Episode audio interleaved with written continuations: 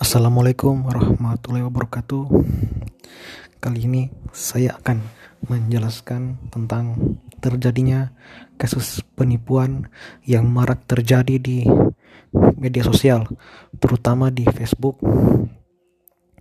Saat ini terjadi banyak penipuan, terutama melalui orang-orang yang berpura-pura menjadi operator atau call center, padahal dia tujuannya ingin menipu. Seperti contohnya di Facebook, dia berpura-pura membeli, tetapi malah ingin meminta nomor PIN dan nomor kartu. Setelah tujuannya ingin menipu ketahuan, dia pun akhirnya memblokir nomornya dan pelanggan atau orang yang tertipu tersebut merasa kesal akhirnya ia memposting kasusnya tersebut di beranda